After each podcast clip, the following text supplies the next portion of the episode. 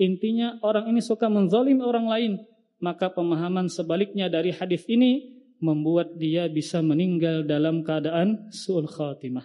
Terlebih tatkala kita berada di zaman sekarang yang terlalu mudah menghina orang lain, yang terlalu mudah mengeluarkan kata yang buruk yang dapat menyakiti hati orang lain, maka tatkala kita berniat misalnya untuk berbuat zalim kepada orang, ingatlah hadis ini bahwa tatkala kita berbuat buruk kepada orang, menzalimi orang, maka bisa meninggal dalam keadaan su'ul khatimah. Wal billah.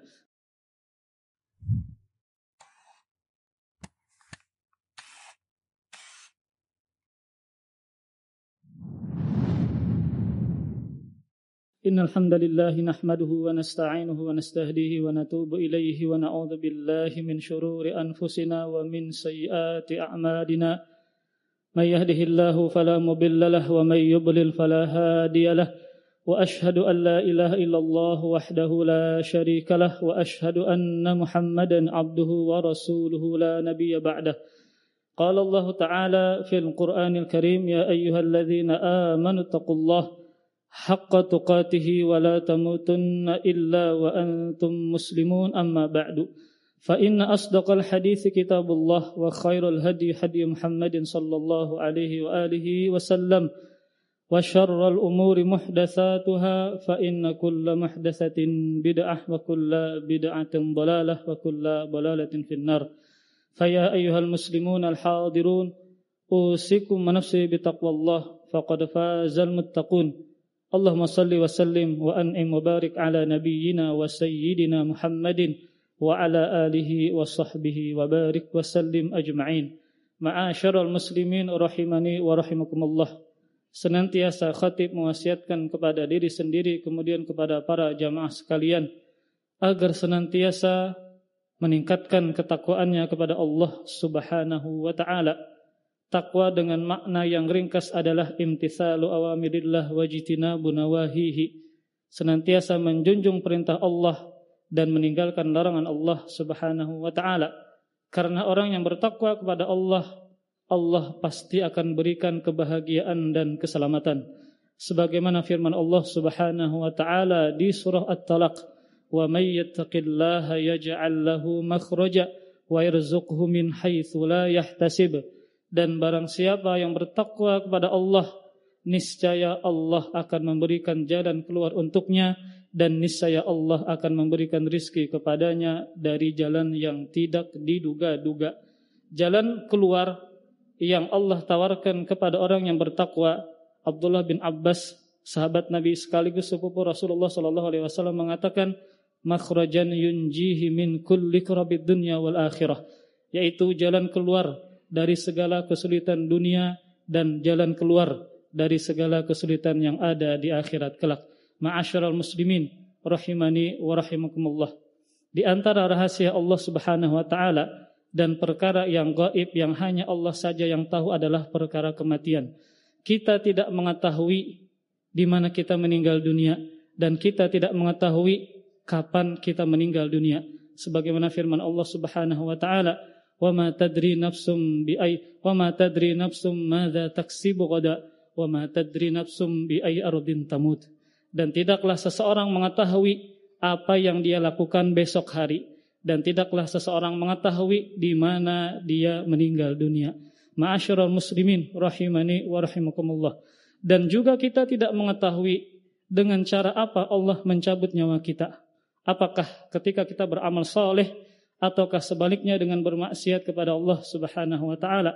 Padahal tolak ukur seseorang hidupnya baik di sisi Allah adalah di bagian akhirnya. Apakah dia meninggal dengan cara melakukan ketaatan kepada Allah Subhanahu wa taala atau sebaliknya meninggal dalam cara lalai atau berbuat berbuat maksiat kepada Allah Subhanahu wa taala? Sebagaimana sabda Rasulullah sallallahu alaihi wasallam wa innamal a'mal bil khawatim. Sesungguhnya amalan-amalan itu dinilai bagian akhirnya. Maka seorang muslim amalan hidupnya bagaimana dia di sisi Allah Subhanahu wa taala adalah yang dinilai bagian akhirnya dalam artian saat apa dia dicabut oleh Allah Subhanahu wa taala apakah dalam keadaan bermaksiat ataukah dalam ketaatan. Secara umum, seseorang bisa mengetahui gambaran bagaimana dia meninggal dunia. Dengan cara apa dia meninggal dunia? Yaitu dengan kebiasaan yang dia lakukan. Yaitu dengan bagaimana dia menghabiskan waktunya. Maka dia bisa melihat bagaimana dia dicabut oleh Allah Subhanahu wa taala ruhnya sebagaimana sabda Rasulullah sallallahu alaihi wasallam hadis yang dikeluarkan oleh Muslim yub'atsu kullu 'abdin 'ala ma mata alaihi setiap hamba akan dibangkitkan dengan kondisi kematiannya berkata Al-Imam Al-Hafidh Al-Munawi maksudnya kata beliau adalah seseorang akan diwafatkan tergantung kebiasaan yang dia lakukan dan akan dibangkitkan tergantung kebiasaan itu pula. Maka ma'asyiral muslimin rahimani wa rahimakumullah carilah kebiasaan untuk menghabiskan waktu dalam ketaatan kepada Allah Subhanahu wa taala. Kemudian terkadang sebagian orang ketika kita membahas tentang kematian, ketika kita mengingatkan tentang kematian, sebagian orang takut. Padahal mengingat kematian adalah termasuk ibadah termasuk hal yang diperintahkan oleh Rasulullah sallallahu alaihi wasallam.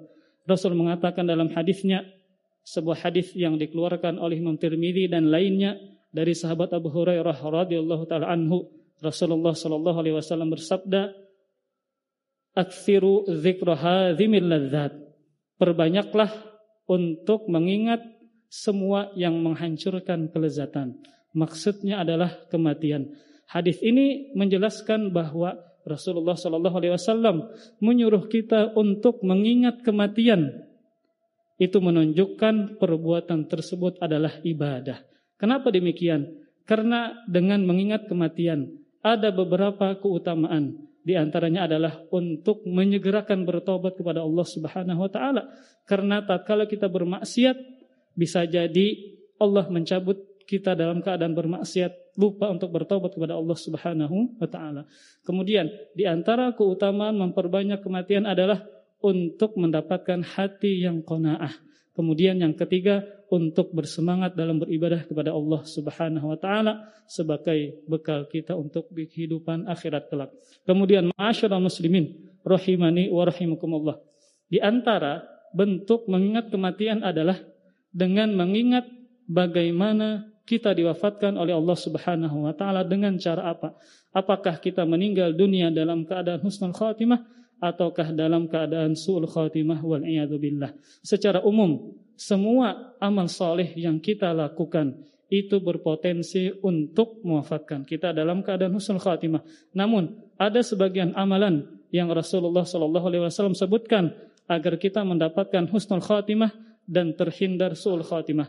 Di antaranya adalah hadis yang dikeluarkan oleh Imam Tabrani yang dihasankan oleh Syalbani Rasulullah sallallahu alaihi wasallam bersabda sanaiul ma'ruf taqi masari as-su. Perbuatan baik kepada orang lain itu menghalangi seseorang dari suul khatimah dari kesudahan yang buruk. Ulun ulang. Rasulullah sallallahu alaihi wasallam bersabda sanaiul ma'ruf taqi masari as-su perbuatan baik kepada orang lain itu mencegah dari kesudahan yang buruk maka para ulama menyebutkan ada dua makna apa yang dimaksud dengan kesudahan yang buruk. Rasul mengatakan perbuatan baik kepada orang lain itu menghalangi dari kesudahan yang buruk. Pendapat yang pertama, mereka mengatakan kesudahan yang buruk maksudnya adalah seseorang mati dalam kondisi di luar kebiasaan atau seseorang mati dalam kondisi yang menggenaskan. Maka dalam hal ini Rasulullah Shallallahu Alaihi Wasallam di dalam doanya pernah berdoa agar terlindung dari meninggal dengan cara yang menggenaskan. Seperti Rasulullah Shallallahu Alaihi Wasallam berdoa agar terhindar dengan mati dengan cara tenggelam, dengan cara terbakar, jatuh dari tempat yang tinggi, jatuh kemudian tertimpa reruntuhan. Kemudian Rasul juga berlindung dari mati dengan cara digigit binatang yang berbisa. Ini menunjukkan bahwasanya Rasulullah Shallallahu Alaihi Wasallam berlindung dengan cara-cara mati yang mengenaskan demikian. Kemudian makna yang kedua dari kesudahan yang buruk adalah mati dalam keadaan suul khatimah. Maka maksudnya adalah segala perbuatan baik kita kepada orang lain, maka itu membuat kita terhindar dari sul khatimah dan mendapatkan husnul khatimah. Maka dari sini berusahalah untuk sebisa mungkin berbuat baik kepada orang lain. Kenapa? Karena akan menghalangi kita dari meninggal dalam keadaan su'ul khatimah. Ma'asyiral muslimin rahimani wa rahimakumullah. Dan perbuatan-perbuatan baik ini yang bisa kita lakukan sangat banyak entah dengan tersenyum kepada orang, entah dengan berkata-kata baik dengan orang, menuliskan kata-kata yang baik dan seterusnya. Maka berusahalah untuk berbuat baik kepada orang agar kita terhindar dari sul khatimah dan meninggal dengan cara husnul khatimah. Ma'asyiral muslimin rahimani wa rahimakumullah. Dan ini dipraktekkan langsung oleh Rasulullah sallallahu alaihi wasallam. Rasulullah sallallahu alaihi wasallam ketika pertama kali bertemu dengan Jibril di Gua Hira. Rasulullah Shallallahu Alaihi Wasallam ketakutan. Rasul takut beliau ditimpakan keburukan tatkala melihat Jibril pertama kali. Kemudian istri beliau yang pertama, Ummul Mukminin Sayyidah Khadijah binti Khuwailid dalam rangka menenangkan Rasulullah Shallallahu Alaihi Wasallam. Lalu beliau menyebutkan kebaikan-kebaikan Rasul yang Rasul lakukan sehingga tidak mungkin Rasul ditimpakan keburukan sebuah hadis yang sahih yang diriwayatkan oleh Imam Muslim. Khadijah berkata kepada Rasulullah sallallahu alaihi wasallam tatkala Rasul khawatir takut ditimpakan keburukan tatkala melihat Jibril. Khadijah mengatakan kalla abshir fa wallah la yukhzika Allah abada la yukhzika abada wallah innaka latasilur rahim wa tasduqul hadith wa tahmilul kalla wa tuksibul ma'dum wa takhrid dhaifa wa tu'inu ala nawaibil haq al hadis. Maka Khadijah berkata kepada Rasulullah sallallahu alaihi wasallam ketika Rasul ketakutan ditimpakan keburukan kepada beliau. Apa kata apa kata Khadijah? Kalla sekali-kali tidak bergembiralah maka demi Allah engkau tidak akan dihinakan oleh Allah selamanya. Kenapa? Kemudian Khadijah menyebutkan pokok-pokok kebaikan yang pernah dilakukan oleh Rasulullah sallallahu alaihi. Wallah innaka latasilur rahim. Demi Allah, sungguh engkau senantiasa silaturahim. Itu adalah kebaikan yang pertama yang harus kita lakukan yaitu berkaitan dengan keluarga orang terdekat kita senantiasa silaturahim. Kemudian yang kedua, watasdukul hadis dan engkau selalu jujur perkataan. Kemudian yang ketiga, watahmilul kalla dan engkau orang yang senantiasa membantu orang lain. Kemudian yang keempat, watuk sibul ma'dum dan engkau senantiasa memberikan kepada orang yang tidak mampu. Kemudian yang kelima, dhaifa dan engkau senantiasa menjamu tamu. Kemudian yang keenam, watu'inu ala nawaibil haq dan engkau senantiasa membela kebenaran. Maka ma'asyiral muslimin rahimani wa rahimakumullah.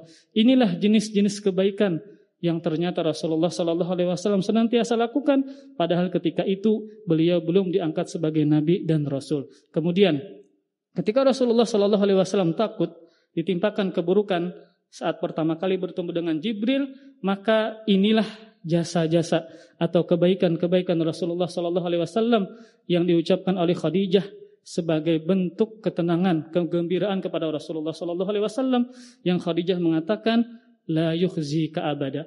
Allah selamanya tidak akan menghinakanmu. Maka dari hadis ini disimpulkan bahwa orang yang suka berbuat baik kepada orang lain tidak mungkin Allah menghinakan dia. Pasti Allah akan memuliakan dia. Terlebih tatkala dia meninggal dunia, tentu Allah muliakan dengan husnul khatimah. Aku qawli hadza astaghfirullah li wa lakum muslimin wal muslimat min kulli dhanbin fastaghfiruh innahu huwal ghafurur rahim.